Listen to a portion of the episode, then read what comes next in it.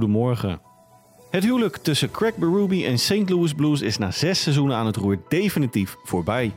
Canadees verloor afgelopen week met 6-4 van Detroit Red Wings, waarmee de losing streak alweer opliep tot vier wedstrijden. Hiermee komt het aantal ontslagen headcoaches in het seizoen 2023-2024 na Jay Woodcroft en Dean Everson inmiddels al op 3. Voor de aanstelling van Berube moeten we terug naar het najaar van 2018. De blauwhemden stonden onder headcoach Mike Yeo troosteloos onderaan in de Central Division en hadden na 17 wedstrijden genoeg gezien. Het nieuws kwam toen de tijd overigens niet helemaal uit de lucht vallen, daar de relatie tussen Berube en Yeo zelfs zichtbaar voor de camera's tot een nulpunt was gedaald. Op 19 november 2018 werd Berube de interim opvolger van Mike Yeo, maar bleven de directe resultaten nog enigszins achterwege. Na de jaarwisseling was de motor in St. Louis verlost van de zandkorrels en regende Blues de overwinningen aan één. Met als hoogtepunt een 11-game winning streak, tevens goed voor een franchise-record, eindigde de ploeg als derde in de Central, waarna het uiteindelijk voor het eerst sinds 1970 de Stanley Cup finale haalde. Na een zenuwslopende serie tegen favoriet Boston Bruins ging de ploeg van Berube er voor het eerst in de franchise-geschiedenis met de cup vandoor. De jaren na de Stanley Cup winst bleven goed, want onder leiding van Berube bleef St. Louis een geduchte tegenstander in het postseason. Tussen 2019 en 2022 plaatsten de Blauwhemden zich viermaal op rij voor het seizoenstoetje. Met de waanzinnige serie tegen Minnesota Wild in het seizoen 2021-2022 als absolute hoogtepunt.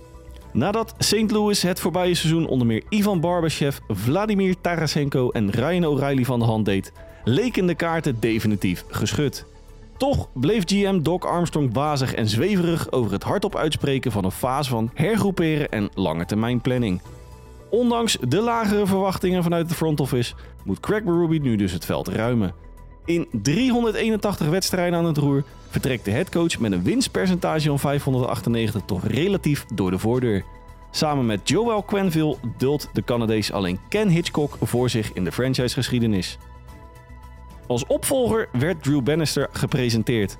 De 49-jarige Canadees is geen onbekende in het systeem van St. Louis, daar hij tussen 2018 en 2020 aan het roer stond van American Hockey League tak San Antonio Rampage. En na de herlocatie naar Springfield was de voormalig Blue Line eveneens eindverantwoordelijk. Het is voor Bannister zijn eerste klus in de NHL en zijn vuurdoop beleefde hij in een spannend onderling duel tegen Ottawa Senators, die mede door een uitblinkende Robert Thomas met 4-2 werd gewonnen.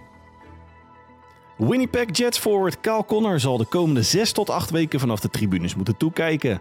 De 27-jarige winger liep afgelopen week in de wedstrijd tegen Anaheim Ducks na een knie tegen kniebotsing met Ryan Stromey een knieblessure op, waarna Connor onder begeleiding van Nikolai Ehlers en Josh Morrissey het ijs verliet. Het is voor de ploeg van headcoach Rick Bones een forse aderlating. De Amerikaan was op het moment van absentie de beste speler aan de kant van de Jets met 28 punten. Gabe Villardi is als vervanger voor Connor op de Mark Scheifele-lijn geposteerd. Het heeft de blauwhemden overigens geen windeieren gelegd. Een ongelukkig verlies tegen San Jose Sharks werd met een dik verdiende 5-2 overwinning op LA Kings beantwoord. Grote man aan de kant van de Jets was niet geheel toevallig Gabe Villardi. De forward kwam afgelopen zomer samen met onder meer Alex Jafalo in de Pierre-Luc Dubois trade over vanuit LA. En met de onder meer trade deadline aanwinsten Nino Niederreiter en Vladislav Nemesnikov zijn de aanvallende lijnen dieper dan de voorbije jaren het geval was. Met het wegvallen van Connor behoefde Bones weinig in zijn lijn op te schuiven. De weggevallen positie van Villardi wordt nu door Namestnikov opgevangen. En blijft Niederreiter het centrale punt op de derde lijn met Adam Lowry en Mason Appleton. Colorado Avalanche heeft zich dit seizoen andermaal tot een van de absolute topfavorieten in de NHL opgeworpen. De ploeg van headcoach Jared Bednar gaat met verve aan de leiding in de Central Division en bewerkstelligt het ene na het andere record.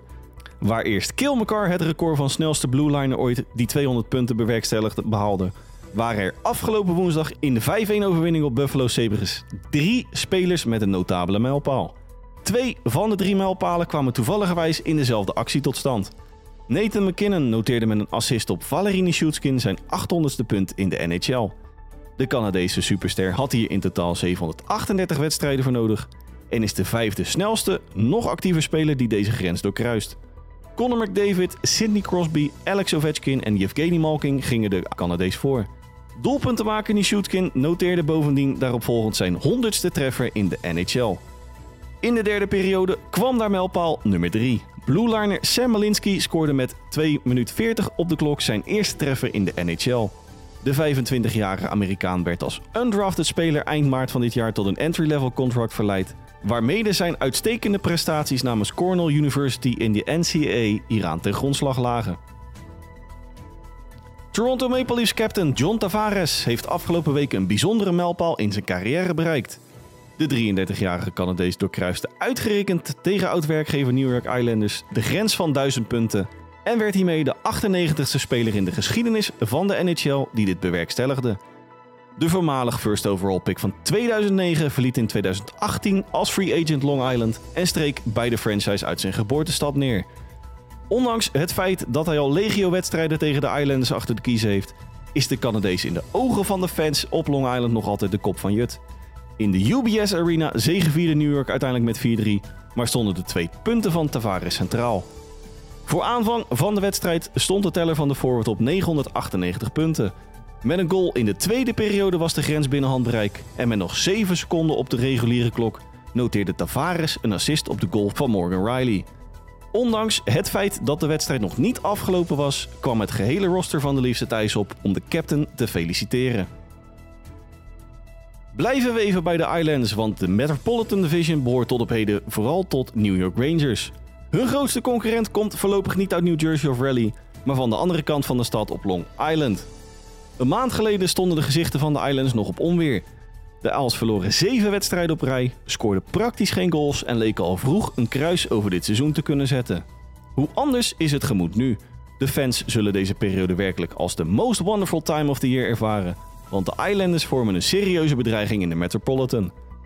In een reeks van 12 wedstrijden wonnen ze er 9 en bovendien scoorden ze in deze reeks 48 goals. Met onder meer Toronto, LA en Carolina als tegenstanders troffen ze tijdens deze reeks ook niet de minste. Het recente succes op Long Island heeft vele vaders. Zo verzamelde Matthew Bertzal 14 punten in de laatste 7 wedstrijden, geeft Noah Dobson niet minder dan 13 assists in de laatste 8 duels en doen Bo Horvat en Brock Nelson ook precies dat waarvoor ze betaald worden. Met goalies Ilya Sorokin en Samuel Varlamov heb je het onder de lat ook prima voor elkaar.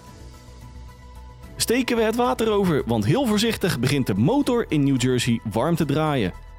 De Devils waren één van de revelaties vorig seizoen, maar kwamen tot op heden moeizaam op gang. De ziekenboeg liep namelijk nogal over met grote namen en dat was te zien op het ijs.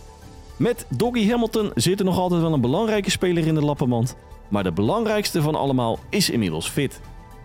Captain Nico Hischier raakte op 27 oktober jongsleden geblesseerd tegen de Sabres. En zonder de Zwitser verloren de Devils 7 van de 11 wedstrijden. Headcoach Lindy Ruff kon op 25 november weer over Hischier beschikken. En sinds zijn terugkeer zegevierden de Devils in 7 van de 9 duels. Washington Capitals gaat binnen afzienbare tijd hoogstwaarschijnlijk afscheid nemen van de Capital One Arena. Sinds 1998 speelt de franchise hier uit thuiswedstrijden maar er ligt een plan om vanaf 2028 een splinternieuw huis te betrekken.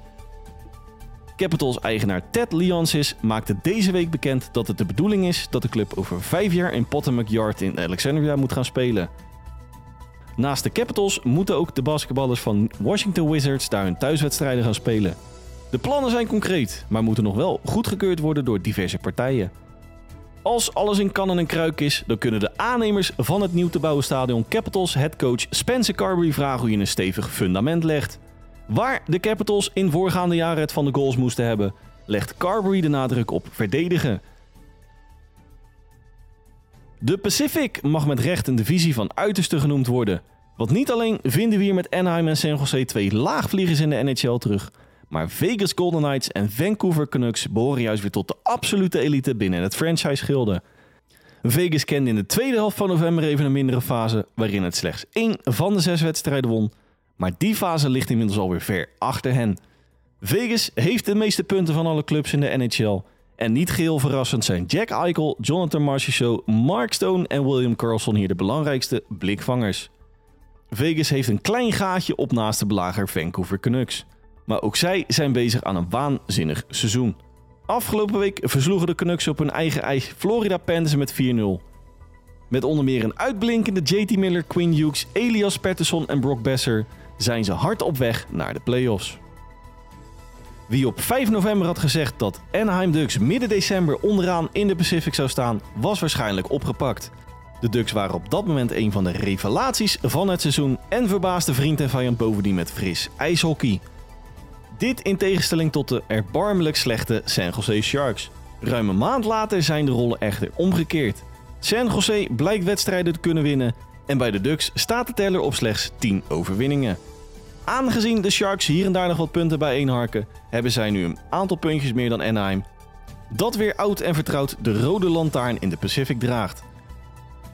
Anaheim is overigens niet alleen in de Pacific, want ook in Calgary is het even huilen met de pet op. Het lukt de Flames maar niet om die mantel van wisselvalligheid af te werpen.